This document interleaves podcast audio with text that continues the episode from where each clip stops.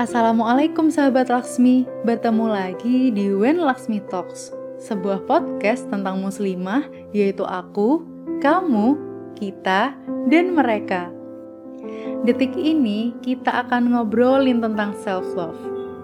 Sahabat Laksmi, apakah kamu termasuk orang yang terbiasa mementingkan orang lain daripada dirimu sendiri? Berusaha membuat orang nyaman, tapi malah membuat dirimu sendiri yang tidak nyaman. Atau misalnya lagi, barangkali kamu pernah mengalami situasi yang sulit sebab kegagalan yang kamu alami.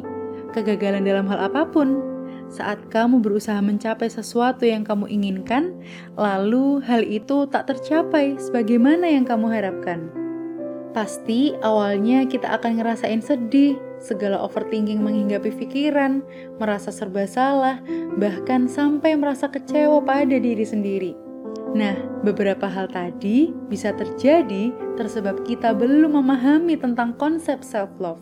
Mungkin kamu bertanya, apa itu self-love? Kenapa self-love menjadi sangat penting? Dan emangnya apa tipsnya untuk mewujudkan self-love ini? Kali ini kita akan bahas secara tuntas gimana sih caranya untuk bisa mencintai diri sendiri. Intinya, dengan mencintai diri sendiri itu adalah langkah awal yang penting untuk hidup secara positif dan tentunya bahagia. Ada empat tips self-love yang bisa kamu lakukan. Yang pertama, mengenal diri sendiri. First thing first, ternyata dalam Islam ada loh konsep self-love sebagaimana sabda Rasulullah Shallallahu Alaihi Wasallam.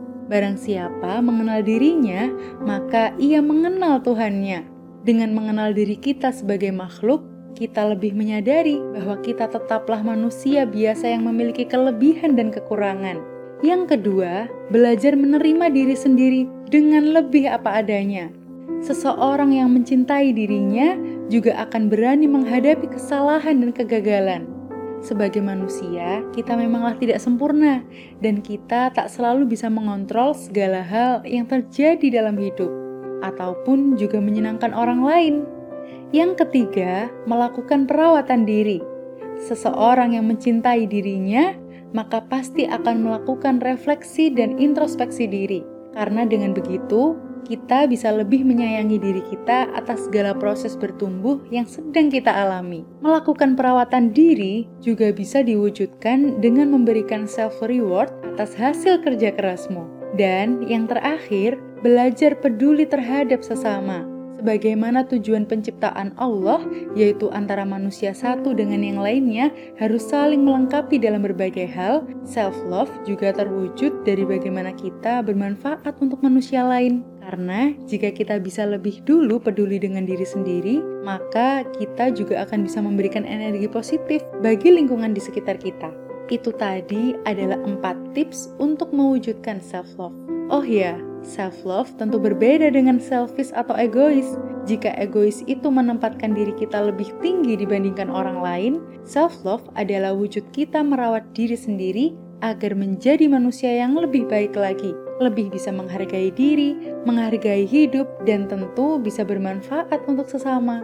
Nah, biar lebih tergambar lagi tentang konsep self-love dalam kehidupan nyata, kita bisa tengok kisah para sahabiah inspiratif satu ini. Ia adalah Fatimah Az-Zahra. Pada saat itu, ketika Fatimah Az-Zahra berusia lima tahun, ujian hidupnya sangatlah berat.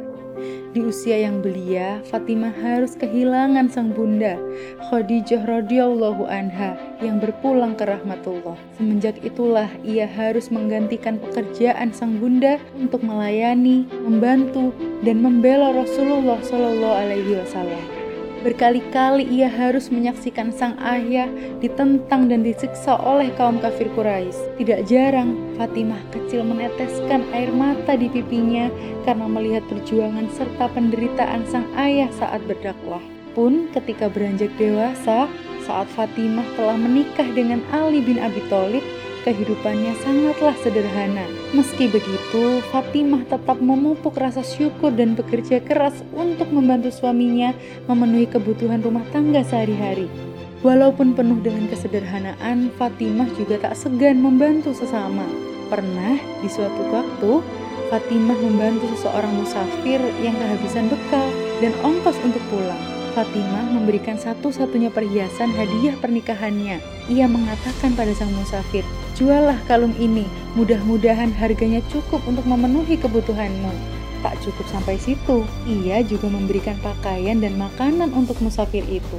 Dan iya, sekarang kita paham bahwa wujud self-love yang baik adalah ketika kita memahami hakikat diri sebagai manusia yang harus senantiasa bertumbuh menjadi lebih baik lagi. Walaupun kehidupan tak selalu berjalan baik menurut kita, tapi percayalah bahwa ada Allah sang pemilik skenario terindah dalam hidup. Kita hanya perlu berusaha. Persoalan akhir biarkan Allah yang memutuskan. Terima kasih sudah mendengarkan podcast ini ya sahabat Laksmi. Insya Allah kita akan ketemu lagi di next episode. Wassalamualaikum warahmatullahi wabarakatuh.